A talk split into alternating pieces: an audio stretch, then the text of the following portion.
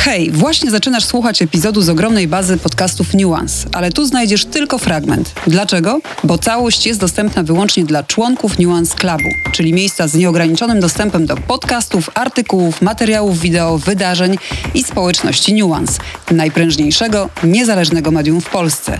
Wejdź na Nuance.net Club i dołącz do klubu zorientowanych. Słuchacie Nuance Radio. Minęła 12, więc to jest klimat i mamy dzisiaj dwa tygodnie od ataku Putina na Ukrainę. Nie udajemy, że, że to się nie dzieje i rozmawiamy właśnie też o tym w klimacie, a moimi gośćmi jest, są Mateusz e, Czerniak z Zielonej Interi. Cześć. Dzień dobry. I Jarosław Kopeć z Gazety Wyborczej. Cześć, dzień dobry. I dlatego zaprosiłam dzisiaj dziennikarzy, żeby porozmawiać o tym, czy w ogóle da się pisać o kryzysie klimatycznym e, i o tych innych kryzysach, które dzieją się e, wciąż, bo one przecież nie przestały istnieć w czasach wojny, kiedy wszystkie e, i kamery, i, i, i oczy skierowane są właśnie teraz na Ukrainę, na to, co dzieje się e, tam pod tym, pod tym względem. Da się pisać, oczywiście, że się da. Pytanie, ile uwagi uda się przy tym skupić, ale to jest problem, który pisaniu o klimacie towarzyszy cały czas. Teraz jesteśmy na etapie, tak w ogóle, a w każdym razie powiedzmy 2-3 tygodnie temu byliśmy na etapie, na którym dało się pisać o tematyce klimatycznej niezależnie od tego, co się dzieje, ale dojście do tej sytuacji zajęło bardzo dużo czasu i jakby, jakby ten temat się przebijał od wielu lat, stopniowo, kawałek po kawałku, no ale nie zmienia to faktu, że jego popularności sprzyjają różne zjawiska. Yy, Ja do, dobrze pamiętam, że kiedyś wiosną napisałem duży artykuł o klimacie, yy, który dotyczył, yy, sprawdzałem zasadniczo na podstawie, znaczy skąd my właściwie wiemy, że klimat się ociepla, nie? Próbowałem zrobić taki tekst, żeby ugruntować tę wiedzę, wskaźniki w jakichś takich konkretnych, konkretnych rzeczach. E, I redaktor go jakoś tam schował do, e, do szuflady. Jakoś się upominałem przez miesiące, żeby to opublikował, bo to nie był taki super newsowy materiał. E, I w końcu no, wściekałem się na niego, no bo też czekałem, aż to się ukaże i w końcu on go wypuścił, jak przyszła rekordowa fala upałów w sierpniu. I dobrze zrobił, bo, bo wcześniej ten temat gdzieś by zniknął, a, a tak jednak zebrał całkiem spore audytorium. No i trochę tak jest. No, też trzeba mieć świadomość, że to, co dzieje się teraz y, w Ukrainie, to jest no, wydarzenie absolutnie bez y, porównania w skali wydarzeń, z którymi mieliśmy y, do czynienia przez ostatnie lata. E, Też gładko przeszliśmy z niego, w niego z koronawirusa, który też y, odsunął inne tematy. E, Tylko, że klimat, mam poczucie, powoli przestaje być tematem samym w sobie. Raczej staje się częścią każdego innego tematu, y, o którym rozmawiamy. Tak, ja mam też wrażenie, że tak powinno trochę być i że to jest coś, do czego aktywiści, aktywistki dążą, żeby... Te, tak samo właśnie jak w mediach, tak też w polityce ten klimat był jakąś taką nakładką, no nie taką soczewką, przez którą patrzymy na różne tematy, nie wiem, polityki migracyjnej. Przecież teraz e, też doświadczamy ogromnej, ogromnego napływu osób z, z Ukrainy, które, e, które, których jest już tutaj ponad milion e, i pojawiło się tutaj w ciągu tygodnia tak naprawdę w takich ilościach. E, I e, to jest ważne, bo tego też będziemy doświadczać w przyszłości w kontekście właśnie kryzysu klimatycznego. Ale mnie też zastanawia, czy e, da się w ogóle e, pisać o kryzysie klimatycznym i o innych kryzysach e, w sytuacji, w której wszyscy są tak bardzo zaniepokojeni tym konkretnym e, kryzysem, czy tym, tą konkretną wojną, no nie? Czy, czy to jest tak, że powinniśmy sobie odpuścić i poświęcić teraz najbliższy miesiąc na, na rozmowę o wojnie i o tym, jakie są jej skutki, e, jakie będą jej skutki, jakie są jej źródła? Moim zdaniem zupełnie nie. W sensie zupełnie nie powinniśmy sobie odpuszczać pisania o klimacie, dlatego że w momencie wojny widać to też po polityce europejskiej. E, Po tym, co się teraz dzieje, wczoraj Komisja Europejska ogłosiła e, plany odejścia od e, rosyjskich surowców e, energetycznych.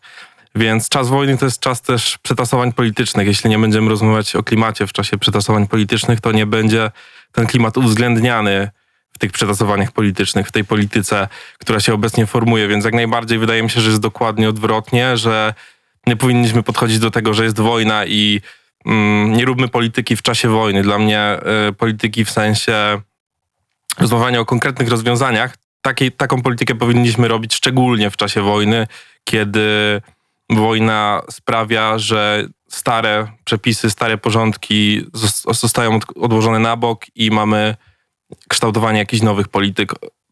Tak mi się wydaje. Ja, bym, ja, ja się zgadzam, ale trochę bym to przeformułował. Bo e, teraz łatwo, moim zdaniem, e, zrobić po prostu niedźwiedzią przysługę klimatowi, nie? To znaczy pisanie w jakiś taki niewrażliwy sposób e, i stawianie sprawy jasno, że no, no, na przykład, no nie wyobrażam sobie dzisiaj, zresztą nie zgadzam się z tym, ale, ale też m, odradzałbym komuś innemu napisanie dzisiaj tekstu pod tytułem dobra, tu jest wojna, ale mamy poważniejsze cywilizacyjne problemy, czyli klimat, nie? Znaczy to jest, to jest nie tylko nieczułe, ale to jest też bez sensu, tak? Bo e, jakby apokalipsa klimatyczna nadchodzi, ale my jeszcze musimy jej dożyć, nie? A jak jeśli w międzyczasie wydarzy się kryzys atomowy czy cokolwiek takiego, na co się nie zanosi i w ogóle jakby nie dajmy się przestraszyć, że, że to wisi nad nami w tej chwili, no to, to, to zwyczajnie nie będziemy już mieli po co się mierzyć z klimatem, nie? Tak y, przeginam oczywiście, to jest trochę, trochę, post, trochę wyolbrzymienie, ale tak jest. Także, także na pewno trzeba moim zdaniem trzymać troszkę umiar e, i ja też odzywając się na łamach gazety na temat klimatu bardzo się pilnowałem, żeby żeby uniknąć tych, e, tych kolejn. Też mam głębokie poczucie, że jakby taka stricte klimatyczna, e, klimatyczne rozważania teraz no siłą rzeczy muszą być trochę na boku, nie? Bo mhm. też, też dlatego, że ludzie już też trochę mniej czytają o samej wojnie, bo są na przykład zajęci pomaganiem ludziom, nie? Czyli e, e, ja uwielbiam patrzeć w dane na temat czytelnictwa różnych rzeczy i, i, patrzeć, co z tego wynika. I widzę to, że po prostu masa ludzi, którzy normalnie pochłaniali te informacje i były im bardzo potrzebne, teraz ewidentnie trochę zbastowali. Między innymi dlatego, że literalnie się opiekują uchodźcami, nie? Więc po prostu tak, mają mniej czasu. To są często też te same osoby, które na, zazwyczaj są przejęte e, jakimiś globalnymi tematami, jak właśnie kryzys klimatyczny, to one też teraz albo przyjmą uchodźców w domu, albo prowadzą kampanię nie tak, temat. ale bym nie przesadzał okay. E, z, ze zrównywaniem jednego z drugim. Mam dobry kontakt ze wschodnimi województwami Polski, skąd pochodzę -hmm. i mhm. gdzie jest część mojej rodziny. I słyszę stamtąd doniesienia o, wiesz, o, o dużym zaangażowaniu w pomoc uchodźcom. E, to są też tereny, na których pamięć o no, e, negatywne stereotypy na temat Ukraińców były żywe, znacznie bardziej niż w innych częściach Polski, no bo jednak zbrodnie banderowców miały miejsce tam, nie? -hmm. Więc tam, te, tam ta pamięć jest żywsza, a i tak y, oni to przełamują i, i nie patrząc na to pomagają pomagają, a nie są to ludzie, którzy w pierwszej kolejności przejmują się kryzysem klimatycznym. Więc nie stawiał, znaczy miło, jakby miłosierdzie, czy, czy, czy po prostu troska o człowieka nie, nie zawsze idzie w parze z zaangażowaniem w sprawy klimatyczne. Ale tylko jeszcze, y, już kończąc przydługą wypowiedź, powiem jedno. E, akurat kryzys e, wojny w Ukrainie jest specyficzny pod kątem klimatu, dlatego że klimat jest jego dużą częścią. Znaczy w tym przypadku dużo łatwiej e, mówić o klimacie jako elemencie towarzyszącym tej wojnie. Właśnie i to wydaje mi się wciąż być niezrozumiałe dla wielu, wielu osób, bo finalnie jakby kończymy z taką sytuacją, w której próbujemy tłumaczyć, dlaczego paliwa kopalne są tak bardzo istotne w, w tej wojnie. Próbujemy, nie wiem, chociażby przypływać to, co oznacza nazwa Donbas, no nie? I że, że jest związana po prostu z, z paliwami kopalnymi. I zwracamy uwagę na te rzeczy e, i wtedy e, słyszymy często e, z neoliberalnych mediów, które gdzieś tam są no, też wodzące i w których wy zresztą też pracujecie, że to jest przyjmowanie tematu i że, że, że teraz po prostu osoby, które na co dzień zajmują się kryzysem klimatycznym, chcą doprowadzić do sytuacji, w której jakby wyczuwają, że wojna jest jakimś momentum, w którym będą też mówić o kryzysie klimatycznym. No to zupełnie nie o to chodzi, dlatego że w te wojny tak inherentnie wpisane są paliwa kopalne i, i wy też się zajmujecie tym i zastanawiam się, jak najlepiej to wytłumaczyć e, ludziom, bo mamy właśnie z jednej strony paliwa kopalne jako źródło tej wojny, z drugiej strony paliwa kopalne jako e, jakąś taką, jako jakiś taki budulec systemów, w którym te wojny są po prostu wypadkową kryzysów, które się dzieją.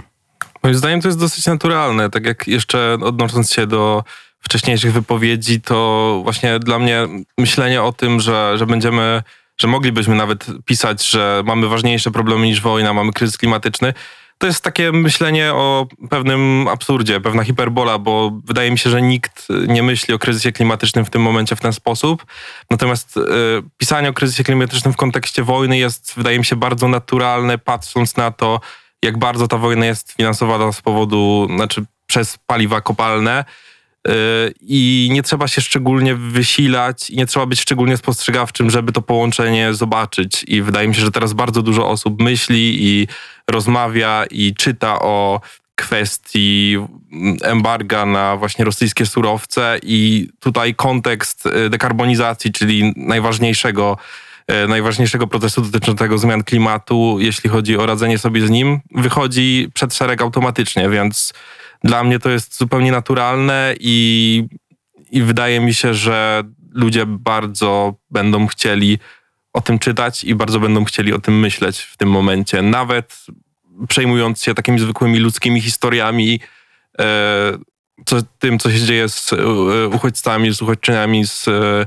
Ukrainy, to mimo wszystko ludzie już patrzą krok dalej i chcą wiedzieć, co będzie z nami dalej, co będzie z surowcami, co będzie na stacji benzynowej, co będzie w sklepach, jeśli chodzi o ceny żywności i y, element kryzysu klimatycznego też jest taką, takim dużym kontekstem, który wydaje mi się, że interesuje ludzi. Dzięki za wysłuchanie bezpłatnej części tego podcastu. Jeśli masz ochotę na więcej, dołącz do Nuance Clubu, klubu zorientowanych i spędzaj mniej czasu na słuchaniu takich komunikatów, a więcej na słuchaniu pełnych treści. Sprawdź, co dla Ciebie przygotowaliśmy i rób razem z nami niezależne, rzetelne i pasjonujące media.